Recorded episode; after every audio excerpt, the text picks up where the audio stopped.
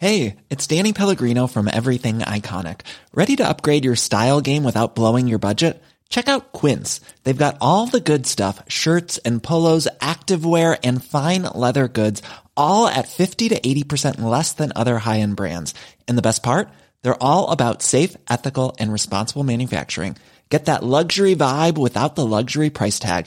Hit up quince.com slash upgrade for free shipping and 365 day returns on your next order. That's quince.com slash upgrade. Hans Petter og co. presenteres av Check-in, sannsynligvis Norges beste påmelding og billettsystem som forenkler hverdagen for deg som arrangerer seminarer, konferanser og andre eventer. Les mer om Check-in på checkin.no slash Hans Petter.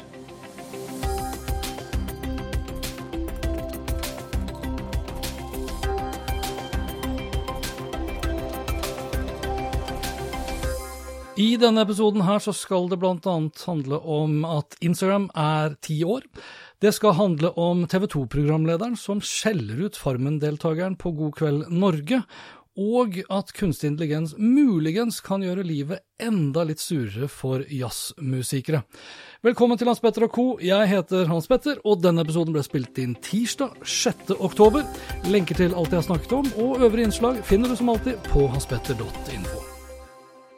Eh, hvis vi kort skal eh, oppsummere ti år med Instagram, hvordan har utviklingen vært? Ja, Kort oppsummere ti år. Det begynte jo 6.10.2010, eh, kun da på iPhone. Da var, da var det kun firkanta bilder. Feeden var kronologisk, så det kom etter hvert som folk la det ut. Og nå ti år etter så er det jo alt annet enn bare en kronologisk liten feed. Algoritmene kom for mange år siden. Den kom jo først da til iPhone.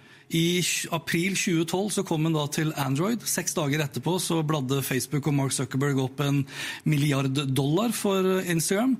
Uh, og nå har vi da en sånn 1,1 milliarder mennesker da, som legger ut alt fra da uh, bilder og video, korte og lange, på feeden eller på Instagram Stories eller på Reels. Uh, vi kan kjøre live osv. Så, så det er jo blitt et eh, univers i seg selv, og ikke bare en liten fotoapp med tolv filter. Det du hørte her nå, det var et lite klipp fra TV 2 Nyhetskanalen tirsdag morgen 6. oktober. Da var jeg gjest i studio for å snakke litt om Instagram, som nå fyller ti år. Og jeg var ikke eneste gjest i studio heller. Martin Holmen fra NRK MP3 var også til stede for å snakke om Instagram og det at han har valgt å logge seg av den sosiale medieplattformen. Og sånn sett så ble det heller ikke en feiring, hvis vi vil, av Instagrams tiårsdag, men en markering av dagen og en diskusjon heller knytta til hvilke utfordringer som følger i kjølvannet av vårt eget avhengighetsforhold, hvis du vil, til Instagram. Og det er jo definitivt også på sin plass. Samtidig så er det jo interessant å se på Instagram og plattformens vekst og mange endringer siden da den dukket opp på Apples AppStore 6.10.2010. På det tidspunktet så hadde vi kun firkanta bilder å forholde oss til, oppløsningen var på magre 640 piksler, og vi kunne velge mellom tolv forskjellige filtre, og feeden var som kanskje mange husker, kronologisk basert, altså basert på når vi posta. Hashtaggen den dukka først opp i 2011 sammen med flere filtre, og da fikk vi for så vidt også utforsk- eller explore-knappen, mens vi måtte vente helt til påsken 2012 før Android-brukere også kunne laste ned Instagram. Og bare få dager etter at appen var tilgjengelig for Android, så ble Instagram kjøpt opp av Facebook for kun, vil jeg kanskje si nå i dag, 1 milliard dollar. Og da hadde antall brukere også vokst til 10 millioner. Og åtte år etter Facebook sitt oppkjøp av Instagram, så er det overraskende mange som fortsatt ikke er klar over at Facebook eier Instagram. Men nok om det. I 2013 så kunne vi begynne å dele videoer også, maks 15 sekunder til å begynne med, men i 2016 så ble grensen økt til hele 60 sekunder. Og med IGTV, som dukket opp i 2018, så fikk vi også muligheten til å dele inntil 10 minutter lange videoer, eller 60 minutter, eller en time, da, hvis du da er eller var en veldig populær instagrammer. Da videoene dukket opp, fikk vi også anledning til å tagge andre i bilder, og i 2014 så dukket Hyperlapse-videoer opp, sammen med de første annonsene som da var i form av videoer. Så 2014 var et veldig videoår. I 2015 så begynte Instagram for alvor å kopiere Snapchat, og denne gangen med stor suksess også. Instagram Stories ble på rekordtid en superhit. Og det tok jo ikke lange tiden før Instagram Stories var faktisk større enn antall snaps, og da i global forstand.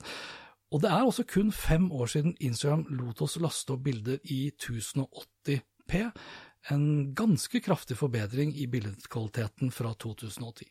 Og i 2015, som en konsekvens av den massive Stories-suksessen, så begynte Instagram også å vokse mye raskere.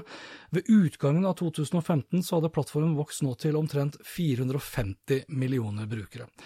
Det skulle derimot ta under fire år før Instagram rundet milliarden.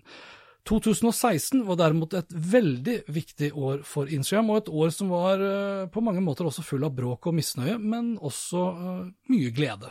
På den positive siden, og da tenker jeg på mottagelsen fra oss brukere som sjelden eller aldri liker endringer, så ble businessprofiler lansert, så nå kunne da virksomheter eller annonsører få mye mer innsikt, og man fikk samtidig også flere funksjoner for å sånn sett da lykkes i større grad som en kommersiell aktør på Instagram.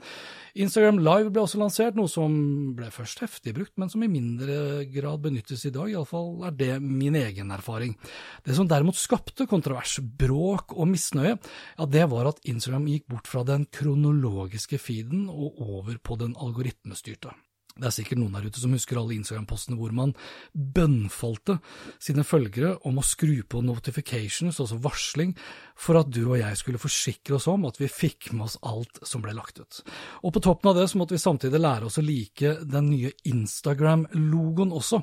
2016 var på mange måter et skikkelig slitsomt Instagram-år, men til tross for mye misnøye, bråk og trusler om å forlate Instagram, ja, så vokste plattformen i stedet for i rekordfart. For ved utgangen av 2016 så hadde plattformen vokst nå til over 600 millioner brukere. 2016 var også på mange måter startskuddet for et mer problematisk forhold til sosiale medier som sådan, Instagram inkludert. Og da kan jo nevnes brexit, Donald Trump, russisk påvirkning av valget, falske nyheter, propaganda og hatprat som heller ikke var noe Instagram kom utenom. Og rapporter om hvor skadelig Instagram var på psyken og selvbildet til yngre, dukket også opp i et stadig økende tempo. Og nå fremover så handlet også da nye funksjoner fra Instagram kanskje i større grad om hvordan kunstig intelligens og algoritmene ble tatt i bruk for å fjerne, eller i hvert fall redusere, begrense hatefulle ytringer, ord og innhold. Brukerne fikk også, eller vi da, fikk også mulighet til å hindre enkelte fra å kunne kommentere, og de som skrev stygge ord, skulle også bli advart med påfølgende forslag på hva de heller kunne skrive.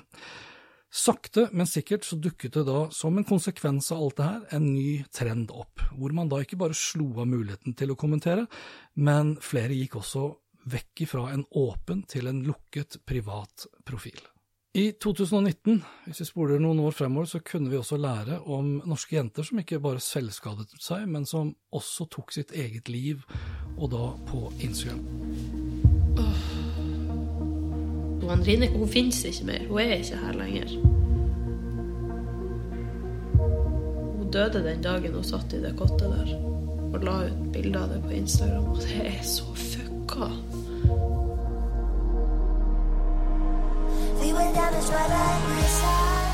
Og det vi hørte nettopp lyden fra nå, var NRK-dokumentarserien Innafor og de to episodene Selvmord på Instagram. Og For kort tid siden så kunne vi også se tilsvarende negative sider av Instagram i Netflix-dokumentaren Det sosiale dilemma. I innslaget fra TV 2 Nyhetskanalen som du hørte innledningsvis, så kommer vi inn på at jeg også poster mindre, og at jeg av og til faktisk også fjerner bilder som jeg har lagt ut. Eh, gjerne fordi det ikke flyr like godt som jeg kanskje hadde forestilt meg eller håpet på, eller at jeg for eksempel etter å ha lagt det ut ikke var liksom tilstrekkelig grad fornøyd nok uh, til at bildet skulle ligge ute i min Instagram-feed. Og hvorfor det har blitt sånn, er jeg faktisk ikke helt sikker på, men jeg har nok blitt strengere med meg selv, det er helt sikkert. Spesielt når det kommer til feeden, der skal liksom bildene være gode, om det så er fra naturen eller av meg selv. Når det kommer derimot til stories, så syns jeg det er litt mindre viktig. Eh, og det er nok også grunnen til at frekvensen min har dalt kraftig i løpet av de siste årene, når det kommer da til feeden. Og der er det ikke bare meg, men ganske mange andre også, som eh, i mye større grad poster mye mindre. Sharing is caring har for alvor gått ut på dato. Bare så langt i oktober så har jeg ikke delt faktisk da et eneste bilde på min Instagram-profil, kun noen få stories. Året før, oktober 2019 altså, ja, da la jeg ut åtte bilder. Eh, samme måned i 2015 så la jeg ut 17, mens jeg la ut hele 48 i oktober 2014. Og det er faktisk bare halvparten av det volumet eh, som jeg la ut da i oktober 2013. Da ble hele 80 bilder publisert i min kronologiske Instagram-feed. Ifølge Sprout Social så er rekorden min i antall Instagram-poster fra mars 2013 må ha vært en bra vintermåned. Jeg har ikke sjekka det ut, men det er altså da ikke en sommermåned på Bali. Da la jeg ut faktisk hele 101 bilder i løpet av en måned. Og siden 2. november 2010, altså da jeg la ut det aller første bildet mitt på Instagram, så har jeg nå publisert totalt 3590 innlegg. Og det skulle faktisk bli det, nesten ett innlegg om dagen i snitt, selv om da trenden i løpet av de siste årene har vært i ja, skal vi kalle det, fritt fall. Når det er sagt, så har jeg fortsatt et svært godt forhold til eh, Instagram. Det er liksom mitt go to sosiale nettverk for inspirasjon og research, og da research spesielt når jeg skal ut på tur og da på telttur ikke minst, men også når jeg skal på ferie med kona og resten av familien, eller dra et eller annet sted. For i tillegg til å google og sjekke ut aktuelle plasser på Google Maps og Google Earth, altså bruker jeg alltid Instagram, og da spesielt hashtagger, til å finne ut om det stedet er verdt å besøke. Og når det kommer til teltturer, så velger jeg nesten for så vidt alltid å campe på steder hvor Instagram ikke renner over av bilder, videoer, karuseller og stories.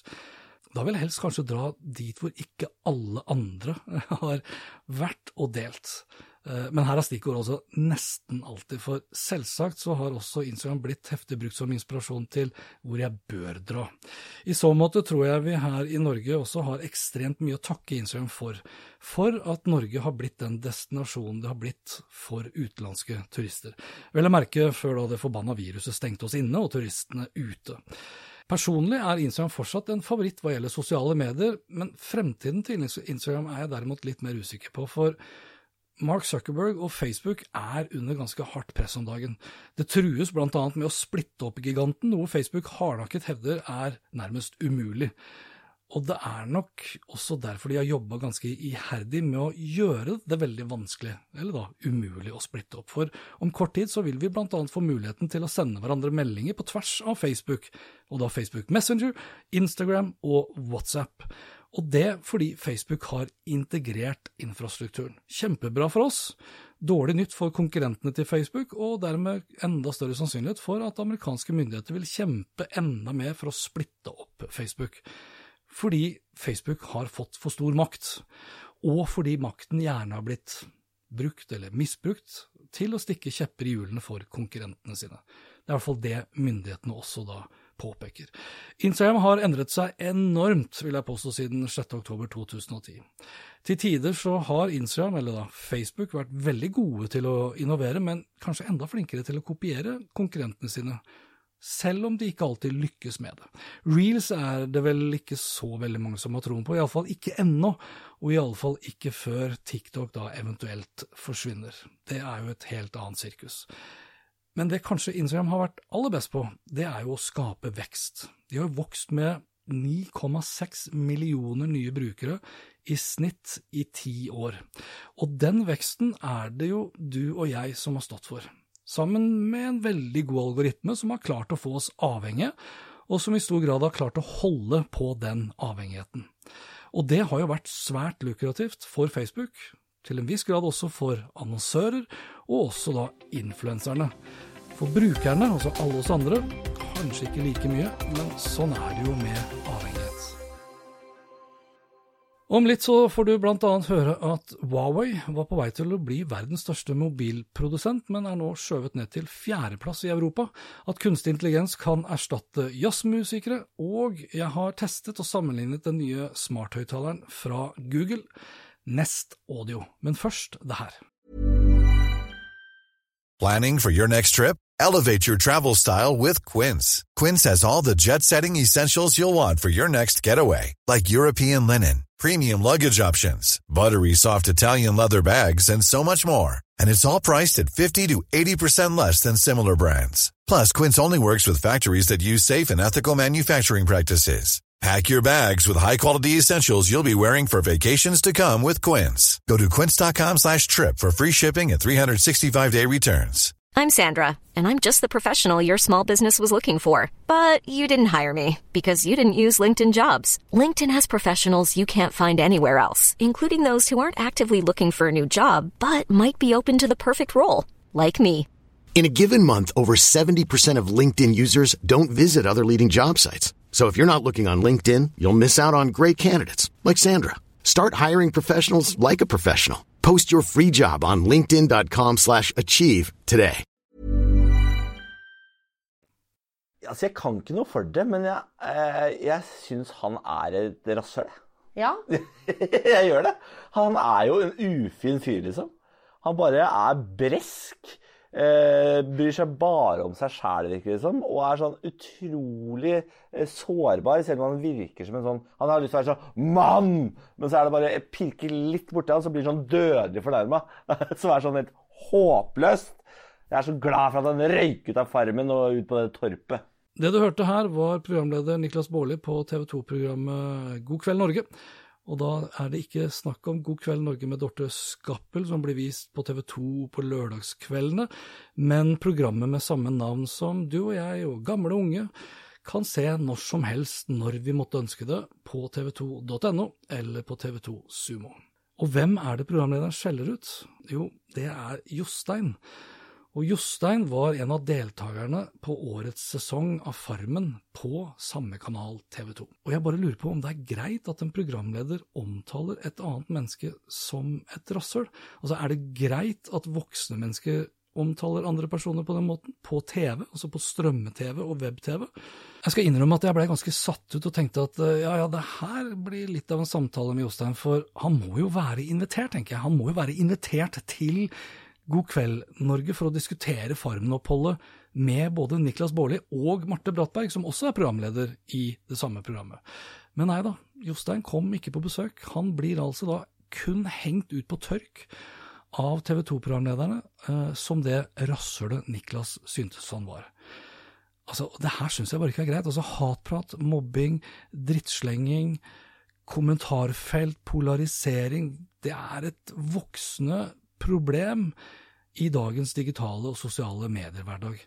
Og her bør jo vi voksne gå foran med et godt eksempel. Altså Jeg husker jeg skrev for over syv år siden at vi voksne lærer barna å mobbe, og det har for så vidt ikke endret seg i det hele tatt. Og det gjør det ikke bedre at God kveld Norge er et underholdningsprogram. Altså Som programleder så bør verken Niklas eller andre programledere omtale andre mennesker på den måten her, iallfall ikke hvis han ønsker å gå foran som nettopp da et godt eksempel på hvordan vi omtaler, og for så vidt også da kritiserer andre mennesker. Og det kan jo være at han ikke mente det, kanskje det var humoristisk ment, altså God kveld Norge er et underholdningsprogram, men ja, jeg, jeg velger å tro at ikke det var like stygt ment som jeg syns det hørtes ut som. Jeg velger å tro det fordi jeg liker Niklas veldig godt. Som programleder, som deltakeren han var på 71 grader nord, og som det varme, inkluderende, fantastiske medmennesket jeg oppfatter Niklas Baarli som. Men sett i lys av alle kjipe karakteristikker vi kan lese, se og høre om andre mennesker i sosiale medier og på internett som sådan, altså burde Niklas ha lagt frem sine synspunkter på den utslåtte Farmen-deltakeren på en annen måte. Altså, rasshølet kunne han holdt for seg selv, og jeg skal ikke sjøl si hva jeg synes om Jostein, for det, det får holde at min kone vet det, for vi sitter begge to og ser på Farmen. Men som sagt, Niklas burde ha valgt andre ord, syns nå i hvert fall jeg, da, og det er en mager trøst at Niklas ikke kan noe for det, som han selv sier. Altså, jeg kan ikke noe for det, men jeg, eh, jeg syns han er et rasshøl.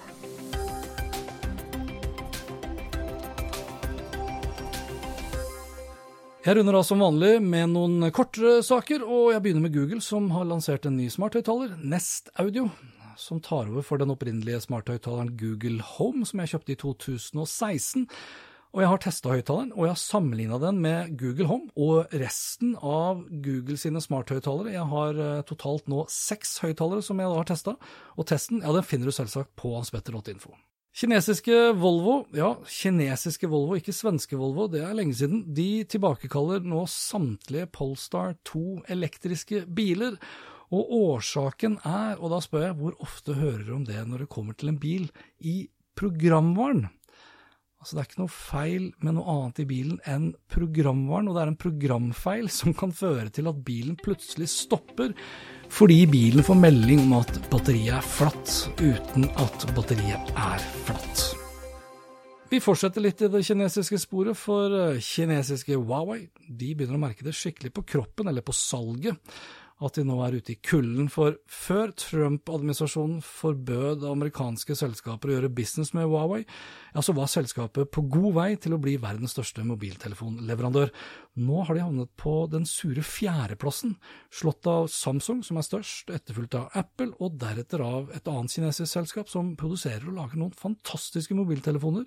Jeg gleder meg personlig til å teste ut Xiaomi MI10T uten at jeg skjønner egentlig hvorfor de kaller det for 1010, men ok. Samsung er samtidig den produsenten som jeg tror kommer til å bli den store vinneren her, altså hvis den kalde datakrigen mellom USA og Kina fortsetter. For, for, det første så er Samsung ikke fra Kina, de er fra Sør-Korea. De produserer samtidig veldig mange av komponentene i telefonene sine selv, og de har nada problemas med verken USA eller Kina, mens f.eks. Apple er i stor grad avhengig av kinesiske komponenter, kinesisk arbeidskraft, og for så vidt også da det kinesiske markedet. Kulturlivet sliter som aldri før som følge av covid-19, selv om eh, kulturlivet nå får noen sårt tiltrengte penger, men det er bare for å holde liv i ståa. Nå vil de kanskje slite enda mer, iallfall de som driver med jazzmusikk. For forskning.no skriver om Shayan Dadman som utviklet et dataprogram som lager jazzmusikk da han gjorde sin hovedoppgave ved sivilingeniørutdanningen på UiT i Narvik. Og dataprogrammet er basert på det som ofte omtales da som dyp læring, eller deep learning, og Dadman man bearbeidet musikk fra kjente jazzmusikere som eh, Duke Ellington og John Coltrane, og resultatet ble da mata inn i programmet, som deretter lærte seg å lage musikk i samme sjanger. Og det heter seg i artikkelen at målet er å videreutvikle programmet til å kunne delta i en jam session med musikere i sanntid, og da for å kunne demonstrere at kunstig intelligens kan være med på å improvisere musikalske tema, og det er Bernt A. Bremdal, som da jobber ved UiT i Narvik, og som da var Dadmans hovedveileder det er jo på den ene siden utrolig kult hvis kunstig intelligens kan lære seg ikke bare å lage eh, jazzmusikk, men også å improvisere eh, i sanntid. Men det er jo utrolig kjedelig hvis det funker for bra, i alle fall for jazzmusikere som allerede sliter, og i alle fall frem til vi kan dra på ekte jazz. Jeg har en liten anbefaling å komme med i denne episoden her også, og igjen så skal det handle litt om sosiale medier, og igjen skal det handle litt om hvordan sosiale medier blir brukt til å manipulere oss. For dokumentaren Agents of Chaos på HBO, ja, den er virkelig verdt å se. In 2016, our sovereignty was violated by a foreign power which found a way to interfere in our democratic process. We faced an attack of a new kind. En grundig serie om den store russiske konspirasjonen under amerikanske valget, skriver Aftenposten og fortsetter. Angrepet var ille nok, men jakten på den store russiske konspirasjonen under amerikanske valget ble en avsporing. Det er konklusjonen i denne grundige dokumentarserien. Ja, den var veldig grundig, og den var veldig skremmende, og den var uhyre bra, så igjen, den anbefales på det sterkeste. I've been trying for years to figure out what happened. If the U.S. system depends on trust in democratic institutions, who benefits if Americans lose that trust? Are we doing everything we can to make sure that Americans will decide who is running this country? In 2016, it was a three ring circus of election meddling. Russian trolls have been busy making mischief on the internet. They were using fake accounts, fake organizations, and finally, fake local media. как сейчас поставить всю эту цепочку. Придумал определение, такая получается карусель лжи. Og dette var det for denne gang. Lenker til alt jeg har snakket om og øvrige innslag ja, det finner du som alltid på hanspetter.info. Og likte du det du hørte, og vil forsikre deg om at du får med deg de neste episodene, da kan du bl.a. abonnere på Hans Petter på Apple Podcaster. Ellers er podkasten også tilgjengelig på Spotify, Acast, Google Podcast, Overcast og Tuner Radio.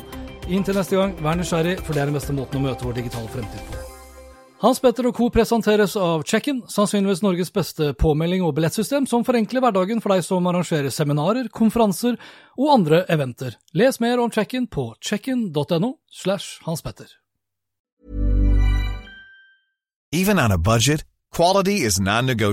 That's why Quince is the place to score high-end essentials at 50 to 80% less than similar brands. Get your hands on buttery soft cashmere sweaters from just 60 bucks, Italian leather jackets, and so much more. And the best part about Quince, they exclusively partner with factories committed to safe, ethical, and responsible manufacturing. Elevate your style without the elevated price tag with Quince. Go to quince.com slash upgrade for free shipping and 365-day returns.